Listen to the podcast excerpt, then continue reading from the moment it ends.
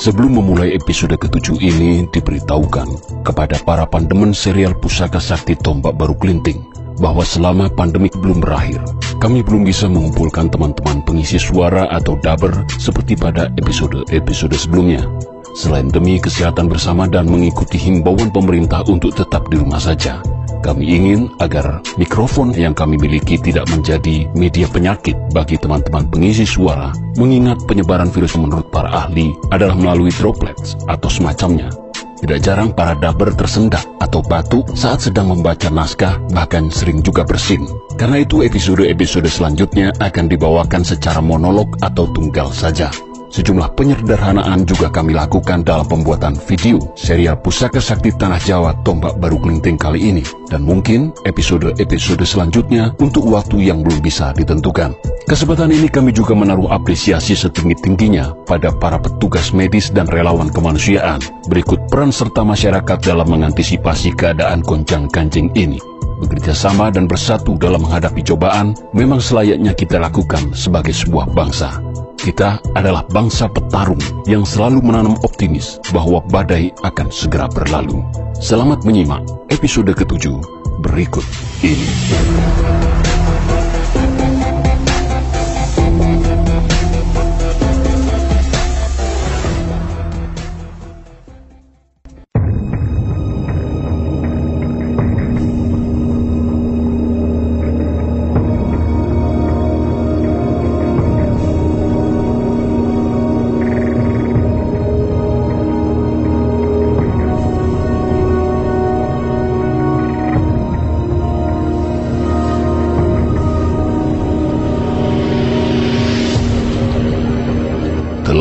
Dikisahkan dalam episode sebelumnya.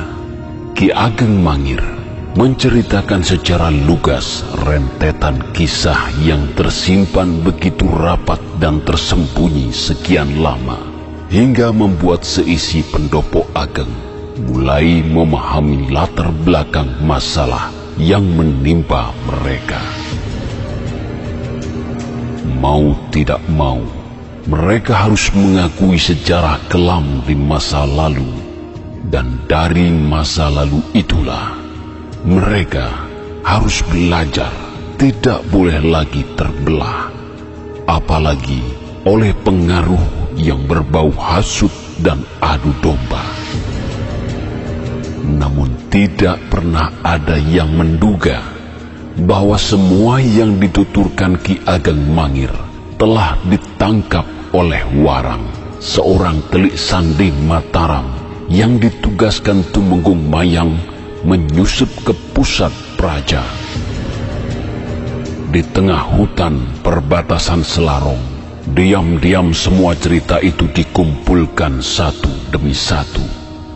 Dan untuk terus mengikuti perkembangan yang terjadi, Tumenggung Mayang memerintahkan Warang menjalankan tugas yang makin berbahaya. Bekas petinggi pasukan Kacineman Pajang itu ingin tahu bagaimana Ki Ageng Mangir menuntaskan masalah yang sedang dihadapinya. 62 hari sudah Tumenggung Mayang menunggu dan tetap bertahan di tempat persembunyiannya menghapus perasaan rindu untuk bertemu sang istri di Mataram. Lewat surat-surat yang dibawa oleh anggotanya ke Mataram secara diam-diam, Tumenggung Mayang juga berusaha meyakinkan Suto Wijoyo bahwa apa yang dilakukannya adalah demi berbalas budi. Tak perlu ada yang dikhawatirkan.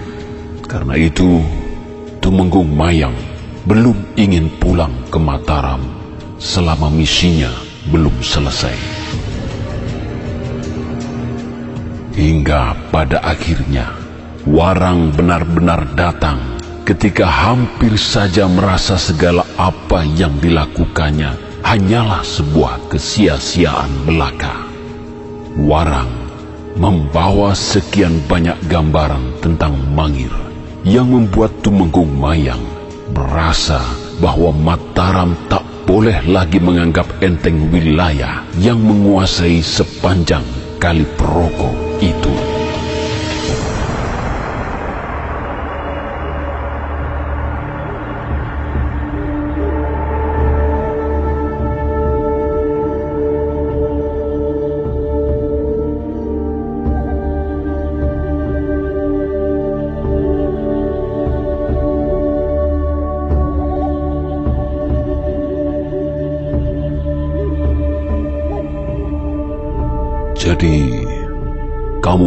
Akhirnya berhasil bertemu dengan Tumenggung Rekso Boyowarang. Benar Gusti, dia masih hidup. Hanya saja saya tidak bisa lagi membawanya kembali saat ini. Tumenggung Reksoboyo menolak kembali ke Mataram, Gusti. Loh, mengapa demikian, Warang? Itu sama artinya Tumenggung Reksoboyo telah balelo. Sebagai seorang prajurit, dia harus mendapatkan hukuman tegas, Warang. Wah, ceritanya cukup panjang, Gusti Tumenggung. Bahkan saya cukup bingung harus memulai dari mana. Ya, aku mengerti, Warang. Tapi tenanglah, tidak perlu terburu-buru. Ceritakan pelan-pelan saja.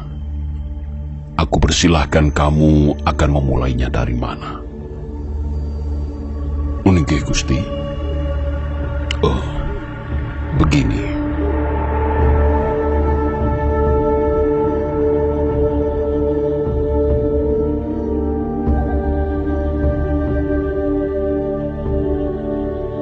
Seusai panjenengan tugaskan saya ke Mangir dengan berbagai cara, saya akhirnya berhasil ada di posisi terdekat, yakni menjadi salah satu pekerja dari seorang empu bernama Wekas yang dipercaya membuat senjata-senjata.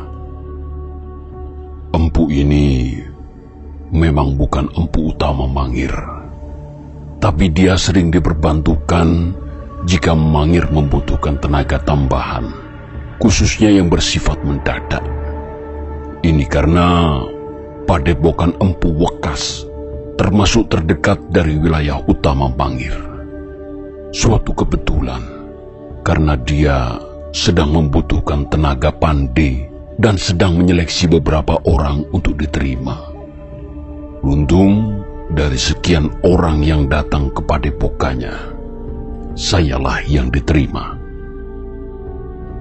Sebelum mulai bekerja, Empu Wekas memberi banyak pengetahuan dasar tentang tugas-tugas saya.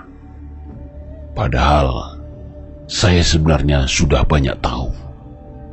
Kebetulan kakek dan ayah saya dahulu memang bekerja sebagai penempa logam bagi para empu. Jadi, saya tidak terlalu asing lagi dengan dunia wesi aci. Empu Wekas pada akhirnya sangat menyenangi pekerjaan-pekerjaan saya yang menurutnya rapi. Beberapa pekerjaan bahkan dipasrahkan langsung pada saya tanpa harus diteliti kembali olehnya. Lebih dari itu, dengan cepat saya makin dipercaya mengawasi hasil kerja kawan-kawan yang lain. Singkatnya, Empu Wekas secara tidak langsung menganggap saya sebagai wakilnya Gusti.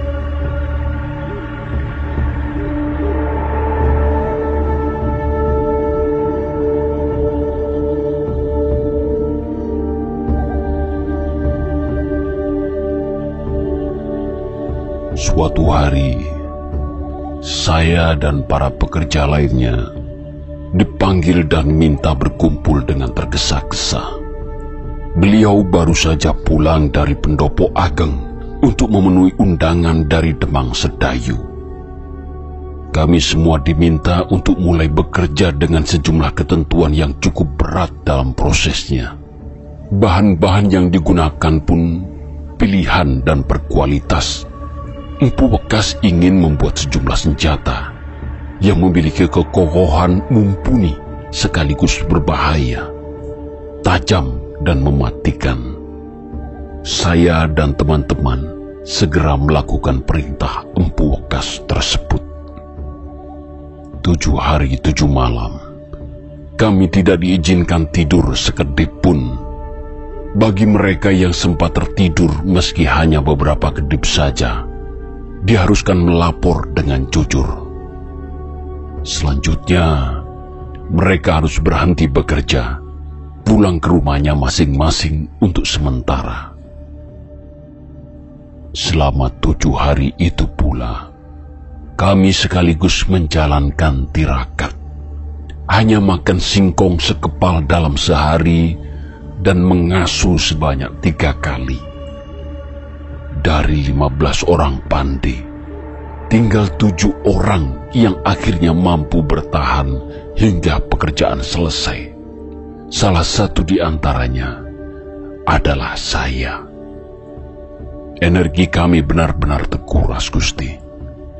Saat senjata-senjata itu tuntas dikerjakan, kami semua pingsan. Empu Wekas bahkan jatuh sakit karena saking beratnya pekerjaan. Di samping, beliau sendiri memang sudah sepuh.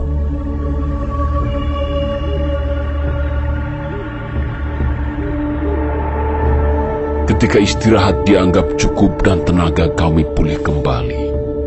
Satu-satunya yang belum sembuh hanya Empu Wekas. Sementara semua wesi aji harus segera diantarkan. Empu Wekas benar-benar tak bisa lagi memaksakan tubuhnya untuk melangkah. Sehingga tugas mengantarkan senjata itu diwakilkan pada saya dan enam orang teman yang tersisa. Adapun tujuan pengiriman yang diperintahkan oleh Empu Wekas adalah asrama prajurit khusus Mangir yang letaknya cukup tersembunyi dan agak jauh dari pendopo ageng.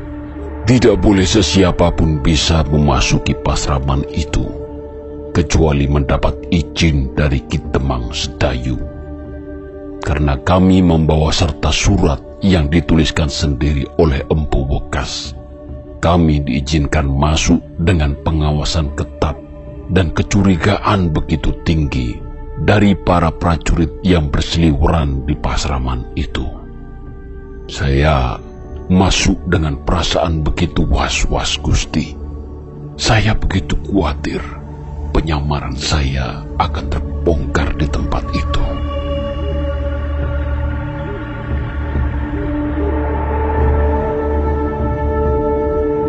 Sejenak, nampak wajah sumringah pada raut Tumenggung Mayang mendengar Warang berhasil masuk ke asrama prajurit khusus Mangir.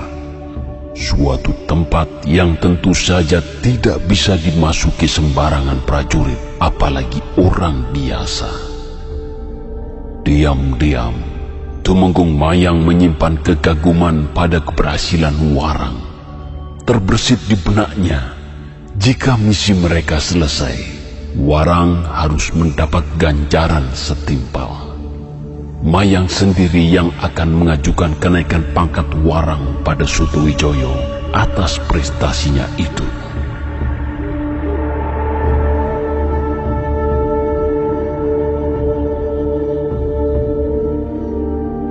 Hmm, luar biasa sekali kamu bisa menembus pasraman itu, Warang.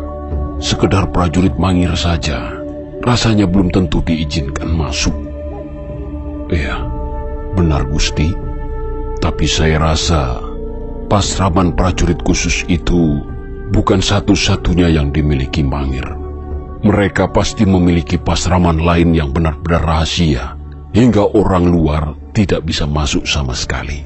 Hmm, mengapa kamu menganggap demikian, Warang? Iya, karena ketika saya mulai menurunkan barang, ada puluhan prajurit lain dengan seragam khusus yang masuk ke pasraman itu Gusti. Mereka juga diwajibkan melapor tanpa terkecuali di penjagaan. Ini menunjukkan mereka berasal dari kesatuan khusus lain yang bukan dari pasraman itu. Oh, begitu rupanya. Ternyata tata keprajuritan Mangir begitu rumit. Hmm. Baiklah, uh, selama ada di peseraman itu, apa kamu menghitung berapa kekuatan mereka khusus di tempat itu saja? Iya, tentu saja Gusti. Ada sekitar uh, seratus orang. Ah, berarti dugaanmu benar, Warang. Itu masih jauh di bawah jumlah pasukan setingkat pergoto. Dari jumlah itu, kita bisa melihat bahwa Mangir telah menyusun kekuatannya dengan rapi dan sengaja tidak memusatkan ke satu titik saja. Uh, oh ya, lanjutkan kembali laporanmu, Warang. Meninggi, Gusti. Uh, lagi-lagi saya beruntung, Gusti. Pasraman itu ternyata digunakan menjadi tempat latihan dan persiapan menghadapi gerombolan ulo putih. Di tempat itu pula, saya baru menyadari bahwa sejumlah wesi aji yang dipesan ternyata memang diperuntukkan untuk kepentingan tersebut. Meski demikian, tidak semua pasukan khusus yang berada di Pasraman itu turut berlatih. Hanya beberapa saja Gusti, sementara yang lain datang dari luar. Saya menyimpulkan, pasukan khusus yang terlibat dalam latihan-latihan itu adalah pilihan. Pasukan khusus yang dipilih lagi secara khusus. Jumlahnya juga tidak banyak, hanya 40 orang saja. Tapi saya akui, semuanya ora tedas tapak parudeng pandai. Dengan mata kepala sendiri saya menyaksikan Ki Demang Sedayu melatih para prajurit itu sedemikian keras. Mereka menjadikan batu gamping yang keras sebagai sasaran pukulan. Bisa dibayangkan jika batu itu adalah manusia. Sekali pukul pasti remuk tulang belulangnya. Mereka juga dijemur tanpa sehelai benang pun di tubuh dari pagi hingga matahari turun. Mereka melakukan hal yang sama saat malam. Belakangan, saya memahami bahwa latihan itu adalah untuk melatih ketahanan tubuh, selain agar mereka mampu mematikan berbagai rasa, khususnya rasa panas maupun dingin, rasa sakit maupun rasa sehat, rasa susah maupun rasa senang rasa lapar maupun rasa kenyang. Cukup bisa dimaklumi karena apa yang akan mereka hadapi adalah gerombolan yang suka memainkan rasa, mempengaruhi dengan menggunakan ajian kendang. Fokus dan konsentrasi menjadi senjata utama dalam menghadapi pengaruh yang demikian. Itu semua saya ketahui karena selepas mengantar pesanan, saya tidak boleh pulang lagi. Perintah itu dikatakan langsung oleh Kedemang Sedayu pada saya dan enam kawan yang lain. Karena Empu Weka sakit, kami diminta untuk mengurusi dan merawat persenjataan jika nanti dalam penggunaannya membutuhkan perbaikan segera. Tujuh hari, saya menginap di pasraman itu bersama teman-teman. Selama tujuh hari itu pula, saya menajamkan pengamatan saya. Saya menyaksikan bagaimana para pejabat andalan Mangir seperti Ki Demang Pandak dan Ki Demang Serandak berdiskusi. Titik-titik persembunyian ulo putih di ereng-ereng merbabu ternyata telah diketahui. Bahkan kedudukan pucuk pimpinan ulo putih yang bersembunyi di sebuah goa juga telah berhasil dipantau. Semua direncanakan dengan begitu matang hingga tibalah waktu pasukan khusus itu digerakkan. Untuk pertama kalinya, saya melihat langsung Ki Ageng Mangir Gusti. Dia datang ke pasraman prajurit khusus, memeriksa kesiapan pasukan. Auranya sungguh luar biasa. Tiap tatapannya bagai memancarkan gelombang tak terlihat yang membuat siapa pun juga menjadi serasa rendah diri. Ada pancaran kesatria sekaligus kebijaksanaan. Saya menjadi maklum mengapa orang-orang Mangir begitu mencintai pemimpinnya itu. Menjadi siap berbela pati. Bahkan uh, sewu. Jika jika saya pun meski baru bertemu menjadi memiliki rasa simpati kepadanya Gusti. Hmm, demikian warang. Apa benar itu? Uh, iya, benar Gusti itu menggung. Auranya begitu luar biasa. Tapi jangan khawatir Gusti, saya tidak akan berkhianat. Kakek dan ayah saya telah mengabdi sekian lama pada Gusti Pemanahan sejak beliau masih bertempat tinggal di utara Lawean hingga turut pindah ke Alas Mentau. Saya tidak ingin mengkhianati pengabdian leluhur saya sendiri jika tidak pada Mataram. Oh, dia Warang. Aku percaya.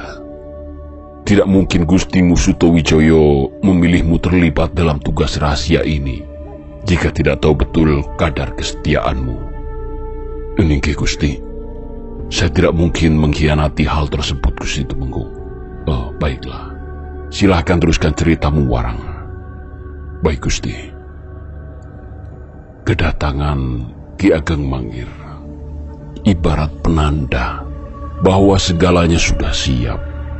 Saya dan kawan-kawan ternyata juga diikut sertakan dalam rombongan menuju ereng-ereng merbabu, masih dengan tugas mengurus persenjataan. Setelah semalaman kami semua beristirahat, esoknya kami berangkat.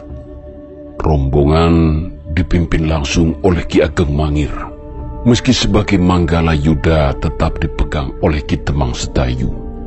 Beriringan di belakangnya adalah Ki Demang Panda, Ki Demang Seranda, dan dua orang lain yang baru saya ketahui namanya sebelum berangkat.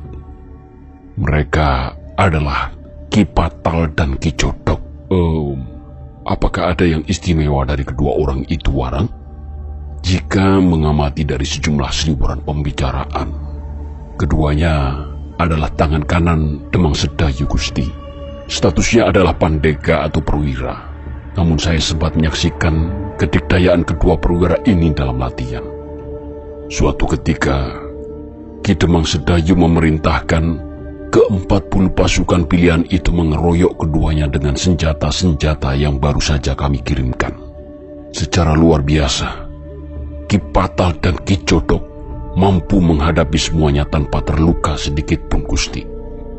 Wah, itu sama artinya kemampuan keduanya satu lawan dua puluh warang.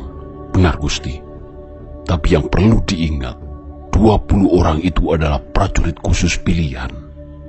Artinya, jika melawan prajurit biasa, mereka bisa saja menghadapi keroyokan lebih banyak lagi. Latihan yang seperti ini diulang-ulang terus tiap hari hingga Ki Patal dan Ki Jodok pada akhirnya benar-benar kerepotan setelah satu lawan empat. Wah, wah, wah. Latihan yang cukup keras dan unik untuk meningkatkan kemampuan prajurit warang. Banyak sisi yang diambil dari latihan seperti itu. Seorang pelatih tidak sekedar berteriak-teriak memerintah, namun sekaligus terlibat langsung. Dia tidak malu kemampuannya tersaingi oleh orang yang dilatihnya. Dia berbesar hati jika suatu saat sang murid justru berbalik menjadi gurunya. Pesatnya kemampuan prajurit Mangir hanya dalam hitungan hari menandakan bahwa selama latihan mereka cukup efektif, fokus dan terbiasa dengan pencapaian target. Tapi justru yang seperti ini yang tidak bisa disembarangkan. Mereka penuh perhitungan dalam setiap langkahnya. Uh, apakah bisa saya teruskan, Gusti? Oh, oh iya, ya. Silakan, silakan. Uh, perjalanan kami ke ereng-ereng merbabu, tepat gerombolan ulo putih berada, ternyata cukup sulit. Melewati sejumlah curang berbahaya dan lereng-lereng yang begitu licin. Sepanjang perjalanan, Ki Ageng Mangir menyanding sebuah tombak yang selalu diselingkupi Mori. Itulah pusaka tombak baru kelinting yang dua bulan lalu telah saya laporkan pada panjenengan Gusti. Dalam perjalanan itu, kawan kerja saya yang asli Mangir bercerita. Mereka yang tak kuat menahan pancaran energi tombak akan rusak jeruannya Seluruh jalur pernapasannya menjadi begitu menyakitkan. Paru-parunya akan menguning dengan cepat. Mulut dan hidung juga tidak henti mengeluarkan cairan. Kematian akan datang dalam hitungan hari. Tidak ada obatnya. Sementara bagi mereka yang memiliki aji jaya kawijayan akan sirna begitu saja.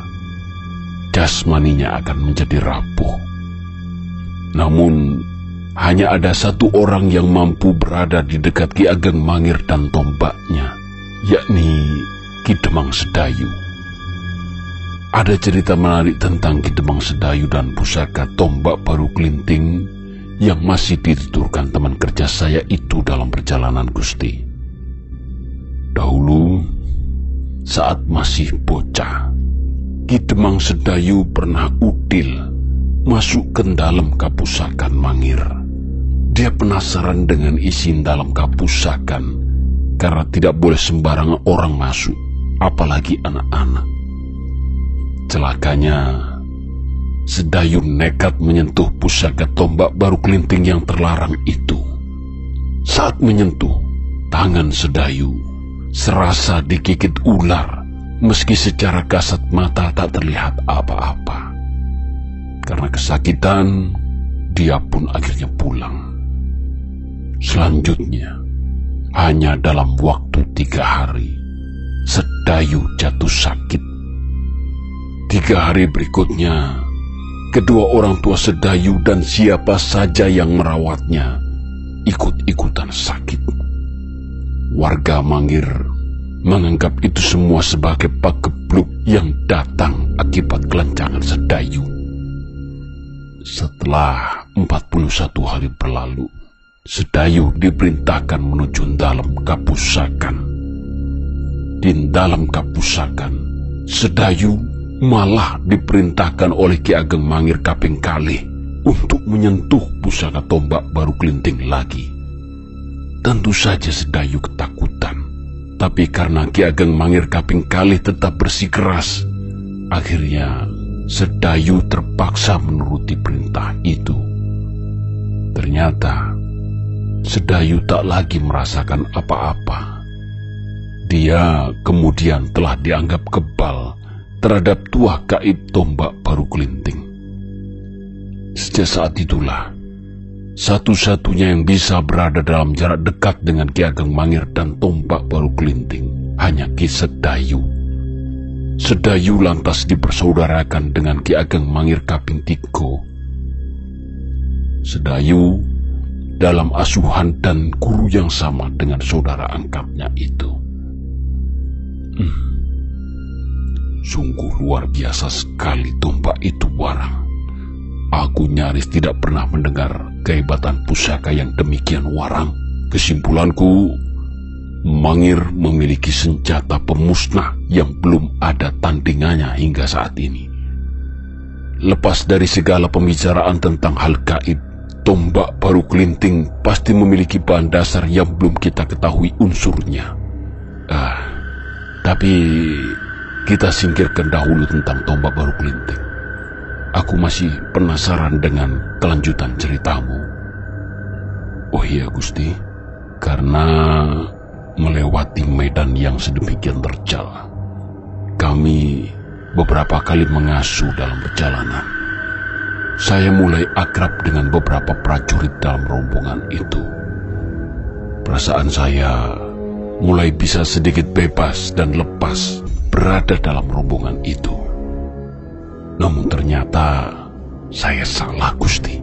Saat sedang mengasuh di sebuah lereng, tiba-tiba empat prajurit dari barisan depan mendatangi saya.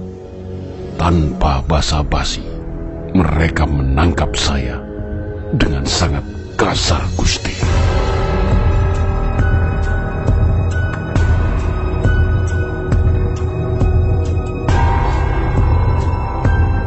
Tumenggung Mayang terperengah secara spontan meningkatkan kewaspadaan. Tumenggung Mayang mendadak tidak enak hati.